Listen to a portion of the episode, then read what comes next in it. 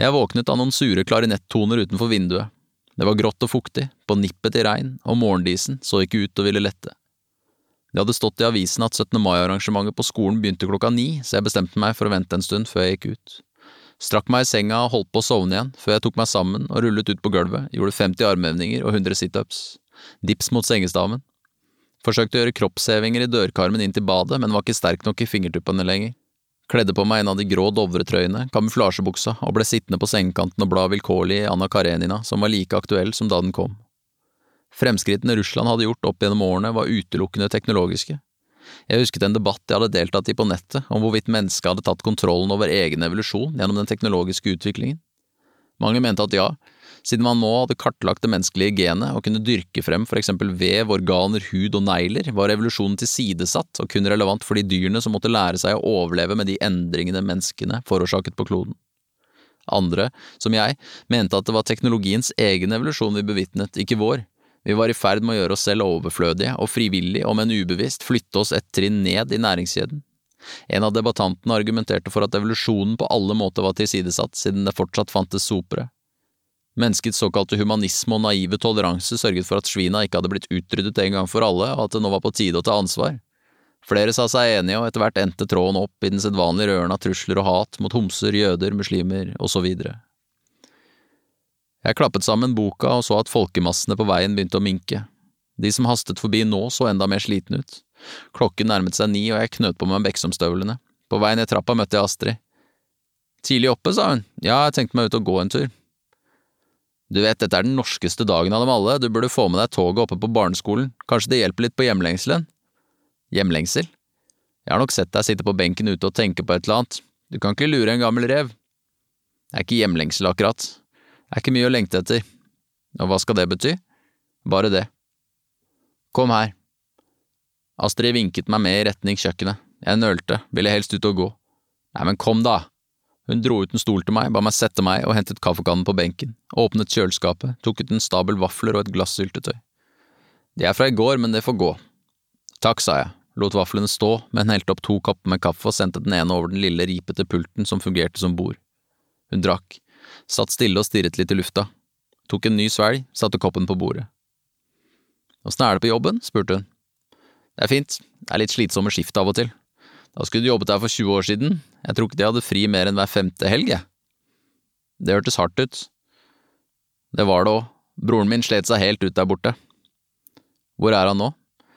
Han døde for noen år siden, kreft. Det var trist. Jeg verket etter å reise meg opp og gå ut for å kjenne morgendisen i ansiktet før den forsvant, dra hånden gjennom håret, videre ned i nakken, riste vannet av fingrene. Hvem har du mistet? spurte hun. Jeg visste ikke hva jeg skulle svare. Unnskyld, det, det har jeg ikke noe med, sa hun. Det var kjæresten min, sa jeg fort. Han er borte. Jeg møtte et par biler på veien, noen hilste, karer fra jobben som satt i stasjonsvognene sine med skjorte og slips, med bunadskledde koner i forsetet, hylende barn i baksetet. Alexei og jeg hadde snakket om barn et par ganger.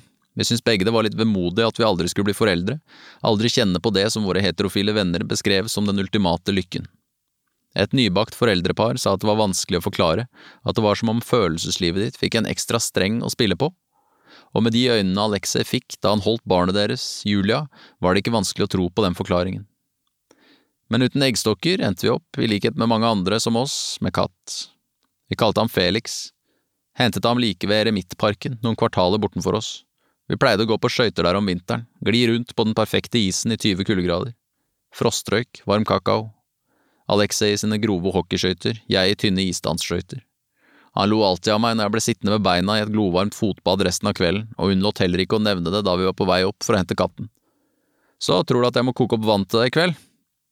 Det var mildt, vår, trærne hadde så vidt begynt å knoppe seg, og det var fortsatt noen år til de verste lovendringene skulle komme. Moskva var et ålreit sted å leve. Folk satt ute på benker og på trapper.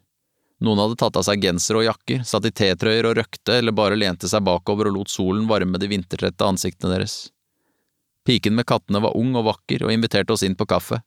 Vi satt der i den lille hybelen hennes, omgitt av kattunger, tegninger på veggene og pulverkaffe i små, blomstrete kopper.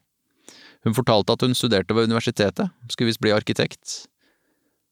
Har dere slanger? spurte hun plutselig. Nei, herregud, hvorfor spør du om det, sa Alexei. Jeg har lest i avisen at noen fôrer slangene sine med levende katter som de får fra folk som vil gi bort kattunger. Jeg vil ikke at mine skal bli slangemat. Jeg er livredd for slanger, sa jeg, særlig klapperslanger.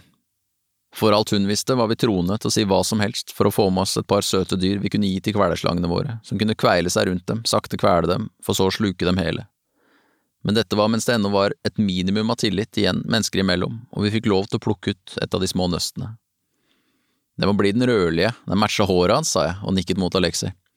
Du har ingen i petrol, da, spurte han. Petrol? Det er årets farge, følger du ikke med, eller?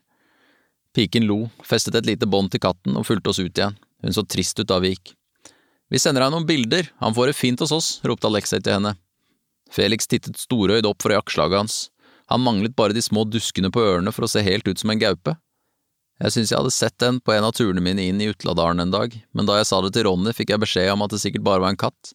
Gaupene hadde de heldigvis klart å skyte flesteparten av. Ronny sto og snudde tre store kjøttstykker på grillen. Michael sto ved siden av med en øl i den ene hånda og en salatbolle i den andre. Han hadde sølt ketsjup nedover bunadsskjorta si. Alle hilste kjapt på meg da jeg kom, men fortsatte å prate seg imellom om noe som virket ganske alvorlig. Jeg bøyde meg under verandaflagget og gikk til kjøleskapet og hentet meg en øl, og da jeg kom ut igjen, ble Geir stille midt i en setning. Alle så på meg. Hva faen, snakker dere om meg, eller? spurte jeg. Nei, nei, nei, fin dress, sa Ronny. Jeg trodde ikke på ham, men lot det gå. De ser ganske møre ut, de biffene, sa jeg etter litt. Jepp, de er møre som et par homseskinker, sa Ronny. De andre lo.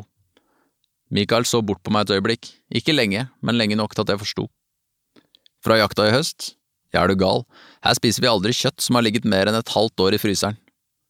De spiste som vanlig i stillhet, ikke før Ronny reiste seg for å gå på toalettet ble det liv rundt bordet. Mikael lente seg mot meg og spurte lavt om jeg hadde blitt støtt. Av hva? spurte jeg. Du veit, av den homovitsen. Hvorfor skal jeg bli støtt? Nei, jeg vet ikke. Hvordan får du plass til tre homser på en barkrakk? Åssen da? spurte han. Du snur den opp ned.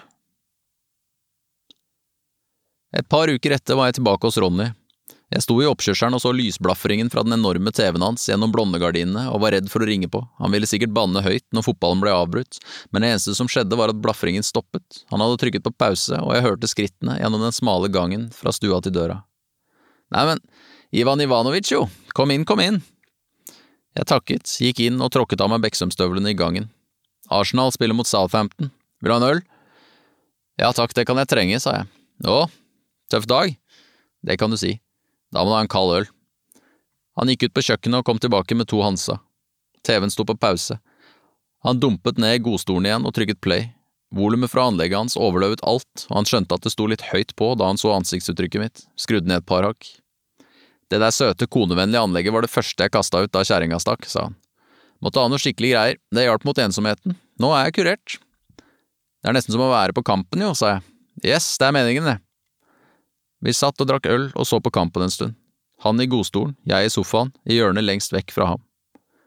Hvilket lag heier du på? spurte han. Jeg har ikke fulgt med så mye i det siste. Dyrt å se fotball i Russland. Ja, det er vel ikke stell på så mye borti der nå. Mye hooligans òg, er det ikke? Er en del. Jævla idioter, altså. Hva er poenget med å dra på fotballkamp for å slåss?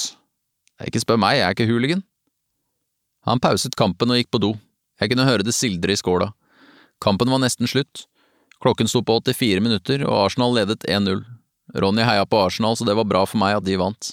Da han kom tilbake, smilte han bredt. Det gikk veien for Arsenal, dette. Åssen vet du det? Kampen er slutt, jeg fikk sånn push-varsel på mobilen. Disse smarttelefonene har både fordeler og ulemper. Jeg har ikke fått meg en sånn ennå, det er et par andre ting som står på tapeten først, sa jeg. Ja, du har vel ikke akkurat flust av penger om dagen? Nei, ikke akkurat, sa jeg. Regna med at han skulle ta samtalen videre, så jeg tok en svelg av ølen og lot blikket fare rundt i rommet. Vi må bare få ordna et forskudd til deg, altså. Inge på lønningskontoret har ikke svart på mailen min, men jeg ringer ham i morgen, så får vi ordna det der. Det er veldig snilt, de maser om husleia. På Sitla? Ja, men pokker er det ikke dyrt å bo der, da? Jo, men det er bare midlertidig, det er til jeg finner noe annet. Hvor mye leie skylder du? Det er ganske mye. Ronny reiste seg, gikk og henta lommeboka som lå på spisebordet sammen med et svært nøkkelknippe.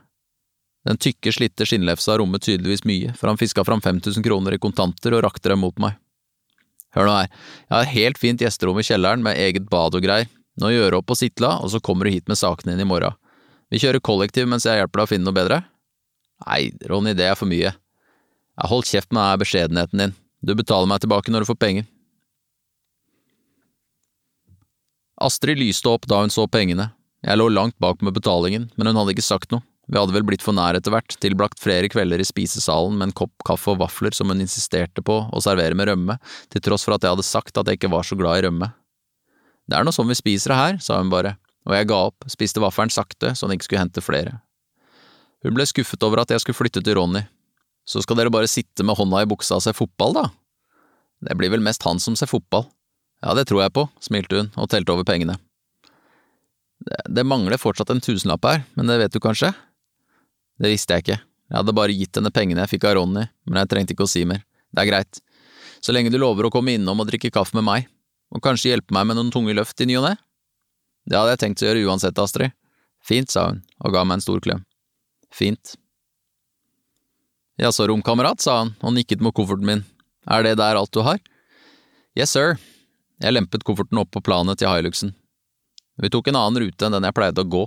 I stedet for å følge riksveien rett utover mot Årdalstangen, kjørte han ned via sentrum og gjennom et byggefelt.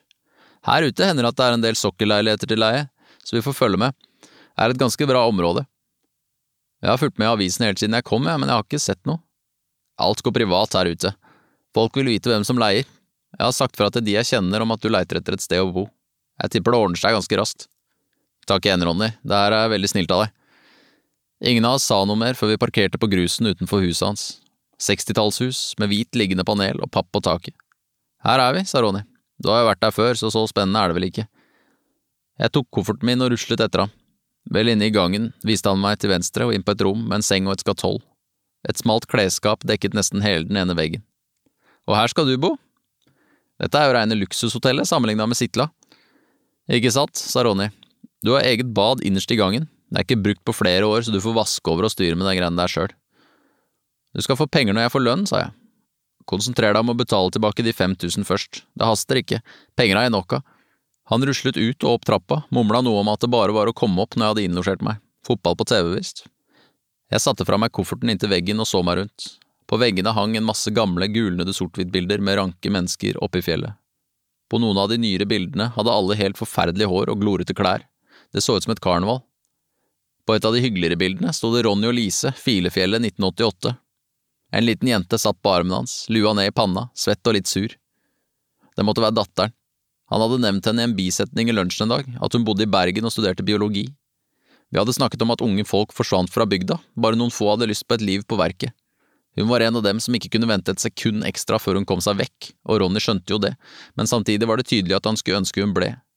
Hvis det en gang kom noen barnebarn, for eksempel, håpa han at hun flyttet tilbake. Ved siden av Ronny og Lise hang det et bilde med Ronny i sombrero og bar overkropp. Grisefest Mallorca 1983. Det kunne like gjerne stått St. Petersburg.